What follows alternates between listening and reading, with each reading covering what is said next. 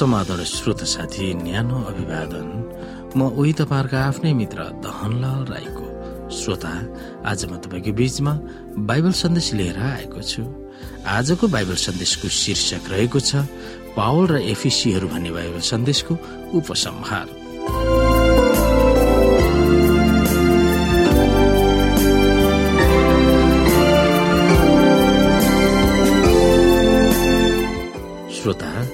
तन्त्र मन्त्र गर्ने वा झाँक्रीहरूले यसु र पावलको नाउँलाई दुरुपयोग गरेको कथा प्रभावकारी छ।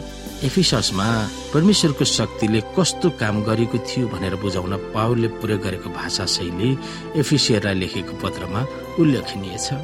नयाँ विश्वासीहरूले यसुको सार्वभौम सत्ताप्रति प्रभावित भएर धेरै दुर्लभ र महँगो किताबहरू सार्वजनिक स्थलमा जलाएका थिए। ती किताबहरू जादु इन्द्रजाल तन्त्र मन्त्र तथा यान्त्रिक मान्युएल वा हाते पुस्तकहरू थिए पुरातत्वविदहरूले त्यही खालका विद्याहरू लेखिएको दुई सय पचास पापिरी वा हस्तलेखहरू भेटाएका थिए। ती हस्तलेखहरूमा तन्त्र मन्त्र भूत जगाउने विभिन्न फर्मुला वा नियमहरू अरूहरूलाई बिगार्ने मन्त्रहरू श्रापहरू आदि लेखिएका छन्। तिनीहरू जादुका पुस्तकहरू जस्तै हुनुपर्छ। ती किताबहरूमा देवी देवताहरूलाई कसरी जगाउने र दुष्ट आत्माको शक्तिले जसलाई मन लाग्यो त्यसलाई मन्त्र गरेर नियन्त्रणमा राख्ने जस्ता विधिहरू थिए। जब एपिसका मानिसहरूले ती पुस्तकहरूलाई सजाए त्यसको मोल पचास हजार चाँदीका सिक्काहरू थिए। अमेरिकामा त्यो पचास हजार दिनको तलब थियो। दिनको अस्सी डलरको तलबलाई जम्मा गर्दा चालिस लाख डलर जति हुन्छ ती मानिसहरूको दैनिक जीवनमा ती तन्त्र मन्त्रका पुस्तकहरू कतिको केन्द्रबिन्दु रहेछ भनेर देखाउँछ। आत्मिक शक्तिलाई आफ्नो नियन्त्रणमा लिन परम्परा अनुसार अनेकौं तन्त्र मन्त्र खु मन्त्र तान्त्रिक विद्या झाँक्री विद्या आदि र अनेक किसिमका वस्तुहरू प्रयोग गर्दथे।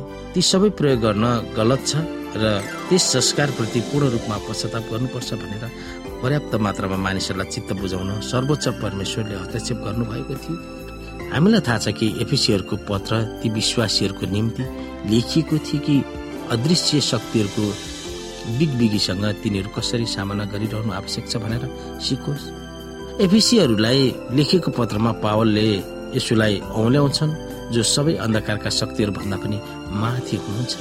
र उहाँमा विश्वास गरेर चल्यो भने परमेश्वरले विश्वासीहरूलाई ती अन्धकारको शक्तिसँग भिड्न शक्ति सम्पन्न गराउनुहुन्छ किनभने शैतानको शक्ति भन्दा परमेश्वरको बल उच्च छ सर्वोच्च छ। परमेश्वरको चर्चको सदस्य भएर असल मानव जीवन बिताउनु भनेको के हो र कसरी अनुसरणीय भएर देखाउनु पर्छ भन्ने ज्ञानप्रति अत्यन्तै उल्लेखित भएर व्यक्त गरेका भावनाहरूले धेरै जसो उनको पत्र भरिएको छ एउटै चर्चमा दुवै यहुदी र अन्य जातिहरू वा अयहुदीहरूले म्लेच्छ वा अछुत जाति भनेर पञ्चायतहरूलाई परमेश्वरले गाभिनु भएकोमा पावल विशेष गरेर हर्षले भाव्यवर भएको यस पत्रमा पाइन्छ।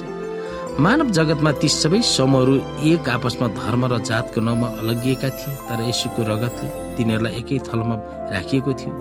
खासमा भनियो भने यसो कुनै नयाँ धर्म स्थापना गर्न आउनु भएको थिएन तर गुमिएको सम्बन्धलाई स्थापना गर्न आउनु भएको थियो।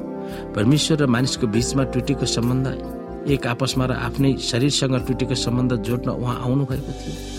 एक जातिको विरुद्धमा अर्को जाति नमिल्दो र शत्रुता भएको विशेष परिवेशमा दुवै जात वा समूहबाट एक भएका यशुका भक्तहरूले आउने परमेश्वरको नयाँ राज्यमा कस्तो खालका नागरिकहरू हुने भनेर नमुना भएर देखाउने अवसर पाएको पावलको धारणा थियो। परमेश्वरको चर्चको भाग हुनु कतिको महत्वपूर्ण छ र त्यस लक्ष्यमा पुग्न के बुझ्नुपर्छ भनेर सिकाउन पावलले चर्चलाई चार प्रतीकहरूद्वारा विश्वासीहरूलाई बुझाउन खोज्दछ पहिलो यसुलाई विश्वास गर्नेहरूको समूहलाई ख्रिसको शरीर हो भनेर सम्बोधन गर्दछन्। जब विश्वासीहरू एक आपसमा एकताको सूत्रमा बाँधेर ख्रिसप्रति भक्ति भावमा लाग्दछन्। तब तिनीहरू ख्रिसका स्वस्थ शरीर हुन् भनेर प्रदर्शित गरिरहेका हुन्छन्। दोस्रोमा कलभरीमा यसुले आफ्नो बलिद्वारा निर्माण गरिएको जीवित मन्दिर यशुका विश्वासीहरूको समूह हुन्। त्यस मन्दिर मिलेर परमेश्वरका आराधना गरिन्छ। त्यस तेस्रोमा तिनीहरू ख्रिसमा ख्रिसका दुलै हुन्। जब यसले आफ्नो भनेर दुलैलाई वा भक्तहरूलाई दावी गर्नुहुनेछ तब त्यस बेला स्वर्गमा थुमा दुलहाको विवाहको भव्य समारोह हुनेछ। चौथो वा अन्तिम प्रतीकमा विश्वासीहरूलाई यसुप्रति विश्वास गरेर कर्मठ कार्यकर्ता हुन ख्रिसको फौजमा समावेश हुन आग्रह गर्दछन् तिनीहरू उहाँको नाउँमा शान्तिको निम्ति परमेश्वरको शक्तिमा अन्धकारका फौजहरूसँग युद्ध गर्न खटिनु पर्दछ। यसुको दोस्रो आगमनको प्रतीक्षामा रहँदा सबै विश्वासीहरू यसुका शरीर हौ भनेर दावी गर्दै अन्धकारको शक्तिसँग मुकाबिला गरिरहनु पर्दछ। वर्तमान युगमा सांसारिक क्रियाकलापको आकर्षणले गर्दा यसु भावना भावावित भएर उहाँको चेला हुन सजिलो छैन। यसुलाई विश्वास गर्नेहरू पनि आफ्नो आस्थामा मन्दी भइरहेको महसुस गरिरहेको परिवेशमा एफिसियरलाई उत्साह दिने उपयोगी पुस्तक हो। यस पुस्तकले ख्रिस्टलाई उचाल्दछ। यसुको दोस्रो आगमनको आशामा पर्खिरहँदा उहाँको चर्चमा सक्रिय सदस्य भएर चर्चको क्रियाकलापमा भाग लिनु कतिको महत्व छ भनेर यस पुस्तकमा पावलले औल्याउँदछ। एफिसीको पुस्तक प्रार्थनापूर्वक अध्ययन गर्ने अवसर अध्ययन पुस्तकले दिएको छ। यस चुनौतीपूर्ण समयमा यसुलाई पछ्याउँदा उल्लासमय अनुभव हामीले कसरी पाउने भनेर हामी पावलको भनाइबाट बुझ्न सक्दछौँ। कि पावलले यस विषयमा तपाईँ र मलाई के भनिरहेको छ? ती विषयमा हामी विचार गर्न सक्दछौँ।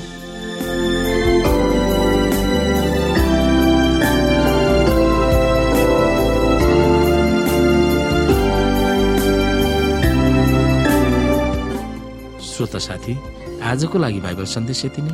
हस्त नमस्ते जय मसिंह